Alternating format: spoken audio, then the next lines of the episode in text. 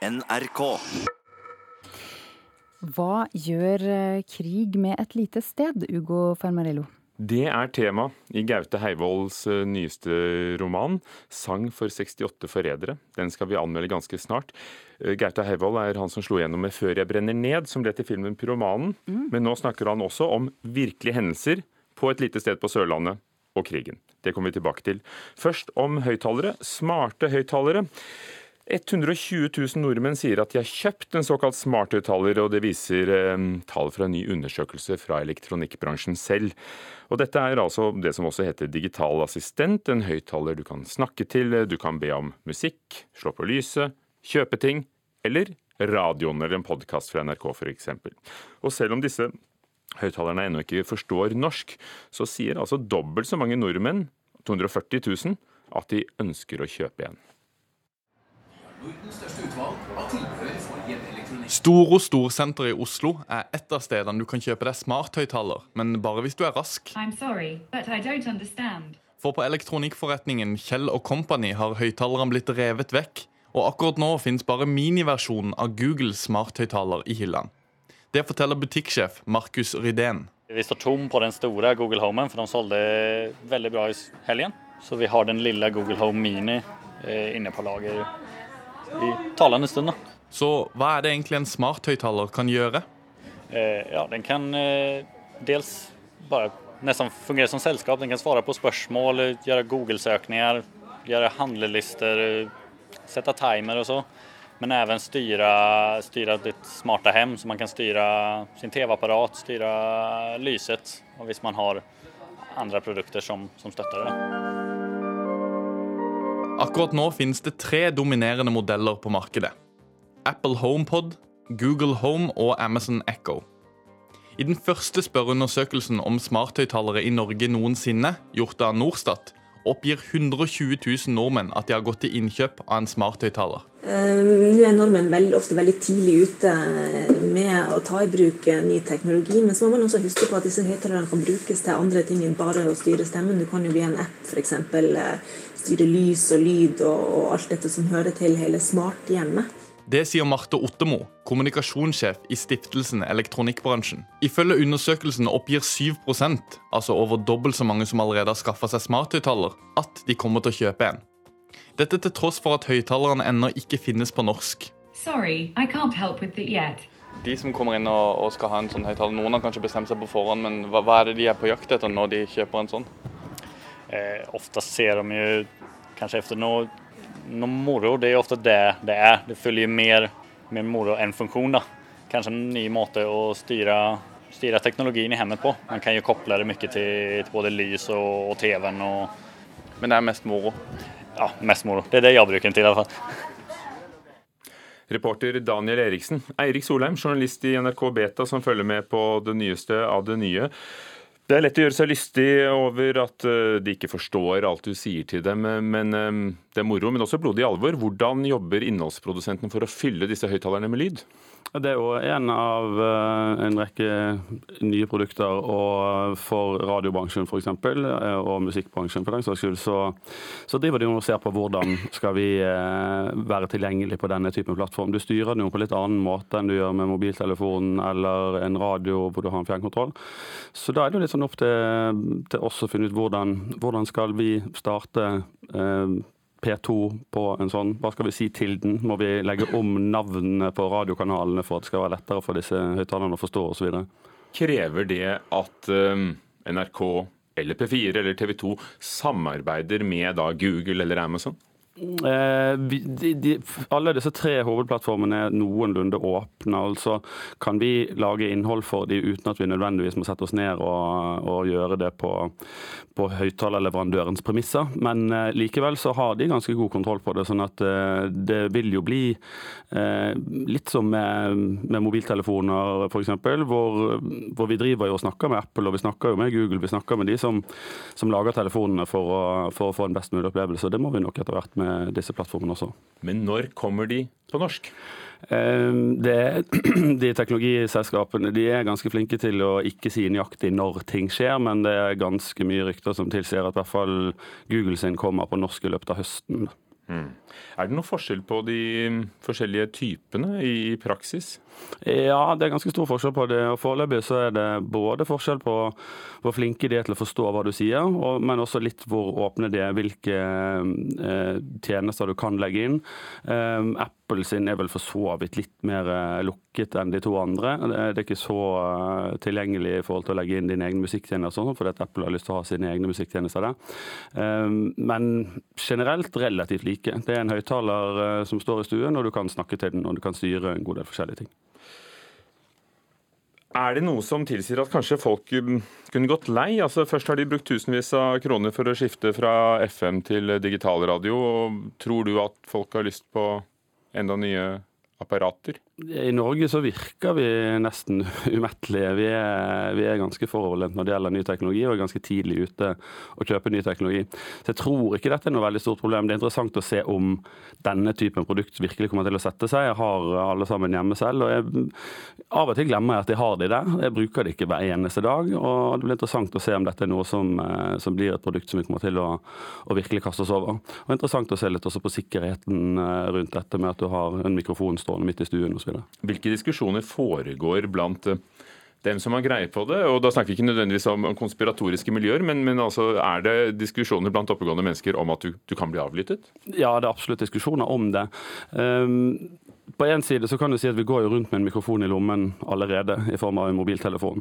Så vi har jo noe avansert teknologi som er koblet til nett, som har både kamera og mobiltelefon med oss hele tiden allerede. Eh, denne står midt i stuen med enda flere mikrofoner, og da begynner jo folk å stille seg spørsmål ja, men eh, og hva kan, om ikke annet, eh, kanskje leverandøren av denne høyttaleren kan, kan avlytte den. Og så er det jo det at hvem som helst skal snakke til den. Så hvis jeg akkurat nå eh, har lyst til å starte NRK P2 i et par tusen hjem, for nå er det jo 120 000 som sier de har en sånn, hvis jeg sier OK Google, play NRK P2, så er det ganske mange der hjemme akkurat nå som plutselig har P2 på høyttaleren sin, for den skiller ikke mellom forskjellige stemmer. Så nå har jeg startet P2 på en del smarthøyttalere i de tusen hjem. Noen av de 120 000 som angivelig allerede har skaffet seg det ifølge spørreundersøkelsen. Eh, men er det noen som hevder at de kan være brukt til, til avlytting og sende informasjonen videre? Det har vært snakk om det, og eh, ambassaden hadde en sak som hvor Amazon selv mener at det var feil bruk. Eh, hvor det var en, en lydfil som ble sendt av gårde til, og det var til en venn av, av den personen som hadde. For du kan bruke den som en slags telefon òg, og sende meldinger til hverandre. Og så var det en som plutselig fikk en melding eh, hvor Amazon mener at nei, men det er fordi du har sagt de og de ordene, og så har den lyttet, og så har den sendt. Eh, så det, det, sikkerhetseksperter som sitter og ser på det, og de analyserer disse datapakkene og sånt. Men Foreløpig så er det ikke gjort noen stor avsløring der. Takk skal du ha. Eirik Solheim eh, i NRK beta. Ja, Apropos uh, teknogigantene. Det er blitt dokumentert at Facebook uh, er brukt som kanal for å spre desinformasjon før siste presidentvalg i USA. og Det påpekes at det var russere som sto bak dette. Og fortsatt har Facebook hendene fulle med dette, kulturreporter Oddvin Aune. Facebook har jo blitt beskyldt for å, for å, ikke gjøre nok for å forhindre slike samkjørte kampanjer, som jo da har til hensikt å påvirke demokratiske valg. Og nå har de hatt en, en ny razzia i egne rekker og tatt ned over 650 kontoer sider og grupper som skal ha forsøkt å feilinformere folk flere steder i verden. Uh, ifølge New York Times så var de her falske kontoene en del av to ulike politiske kampanjer som uh, forsøkte å spre feilinformasjon, uh, som jo da har til hensikt å skape forvirring og kanskje også endre folks politiske syn. Og ikke minst med tanke på at det er delstatsvalg i, i USA snart. Russland har jo tidligere vært i søkelyset for disse kampanjene, men hvem står bak denne gangen? Ifølge Facebook så kan denne kampanjen spores til, eh, til, Russland, men også til Iran. Eh, denne gangen er det ikke først og fremst amerikanske velgere som skal ha vært hovedmålet, men folk i Latin-Amerika, Storbritannia og Midtøsten. Eh, Facebook har jo tidligere innrømma etter to, eh, presidentvalget i USA i 2016 eh, at de har blitt misbrukt til å spre splittende budskap til velgere. Og det her viser jo at de fortsatt brukes aktivt av de som har interesse av å få ut feilinformasjon. Det høres nesten ut som en spionfilm.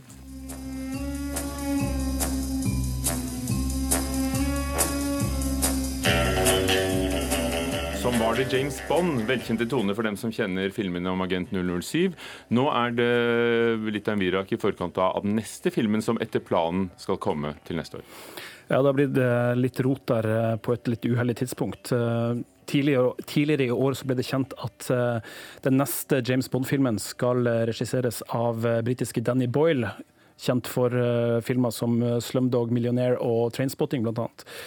Men nå, bare tre-fire måneder før filmingen, av den, før filmingen skulle starte, har han nå trukket seg fra prosjektet pga. Det, han, det som omtales som kreative uenigheter. Og det vil jo si at produksjonsselskapet nå må ut på markedet og hente en ny regissør, noe som jo selvsagt også kan bety forsinkelser.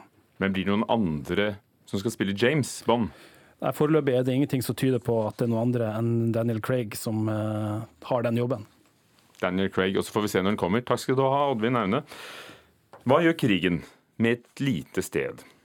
Det er spørsmålet i Gaute Heivolds eh, siste roman. Han slo igjennom i romanen 'Før jeg brenner ned' i 2011, og har gitt eh, leserne sine mange romaner og noveller etter det. Gjennombruddet var basert på virkelige hendelser i nærmiljøet hans, og det er også den nyeste romanen, 'Sang for 68 forrædere'. Leif Ekle, litteraturkritiker her i NRK. En spesiell tittel, men så er det også et spesielt hendelse den har sitt utspring i? Ja, det kan man si. Det er jo blitt Gaute Heivolds metode, dette her. Eh, å ta historiske hendelser i hans eh, familiære nærhet eller eh, i geografisk nærhet eller et helt annet sted. Og bake det inn, bearbeide det, skrive det inn i romanformatet. Og dette har lykkes godt og mindre godt, og denne gangen lykkes det veldig godt. Og denne hendelsen vi snakker om, er altså krigen da, som kommer i 1940 til dette lille stedet i skogen inne i landet på Sørlandet, kanskje noen mil fra Kristiansand. Eh, ganske isolert. Eh, og det merkelige i og for seg skjer at i denne bygda så er det hele 68 personer som eh, melder seg inn i NS. Høyeste, den høyeste andelen av befolkningen noe sted i landet. Derav altså den ene delen av tittelen 'Sang for 68 forrædere'. Så det er de 68 forræderne. Ja. Hva er sangen? Sangen er Andreas, eh, som er Idet krigen kommer, så er det en gutt på 13 omtrent han er allerede oppdaga av eh, familien og bygda eh, som et stort musikalsk talent. Han spiller på bedehuset, han spiller på, i kirka.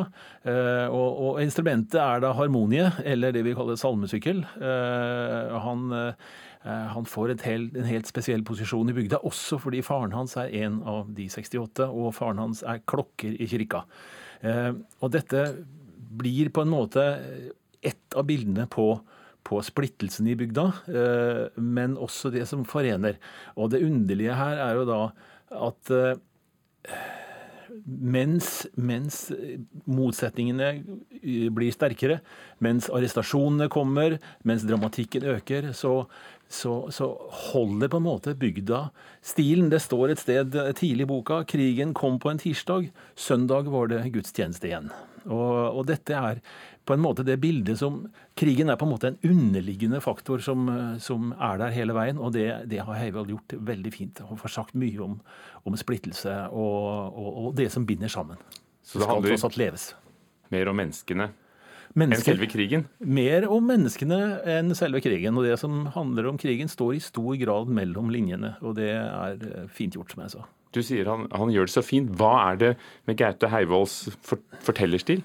du er så glad i? Ja. Han snakker sjelden høyt uh, altså når han skriver. Det er lavmælt, ofte litt vemodig. Det kan bli litt over, litt svulmende kanskje noen ganger, men det er unntakene. Han, uh, han får sagt uh, på, på, på en, en, veldig lavmælt måte at menneskene de har sine fellestrekk og de har sine skillelinjer. De begår feil. Og så må de prøve å finne ut av det. Og, og her blir det også snakk om hvordan skal vi klare å finne en forsoning til slutt. Uh, kan vi det i det hele tatt? Sånn som vi har gått gjennom denne krigen. Gaute Heivolds eh, sang for 68 forrædere, som altså bygger på historiske hendelser. Og han har en doktorgrad til grunn? Altså ikke sin egen, men Nei, han, så vidt jeg forstår så er det basert på en doktorgrad om, om dette, denne historien.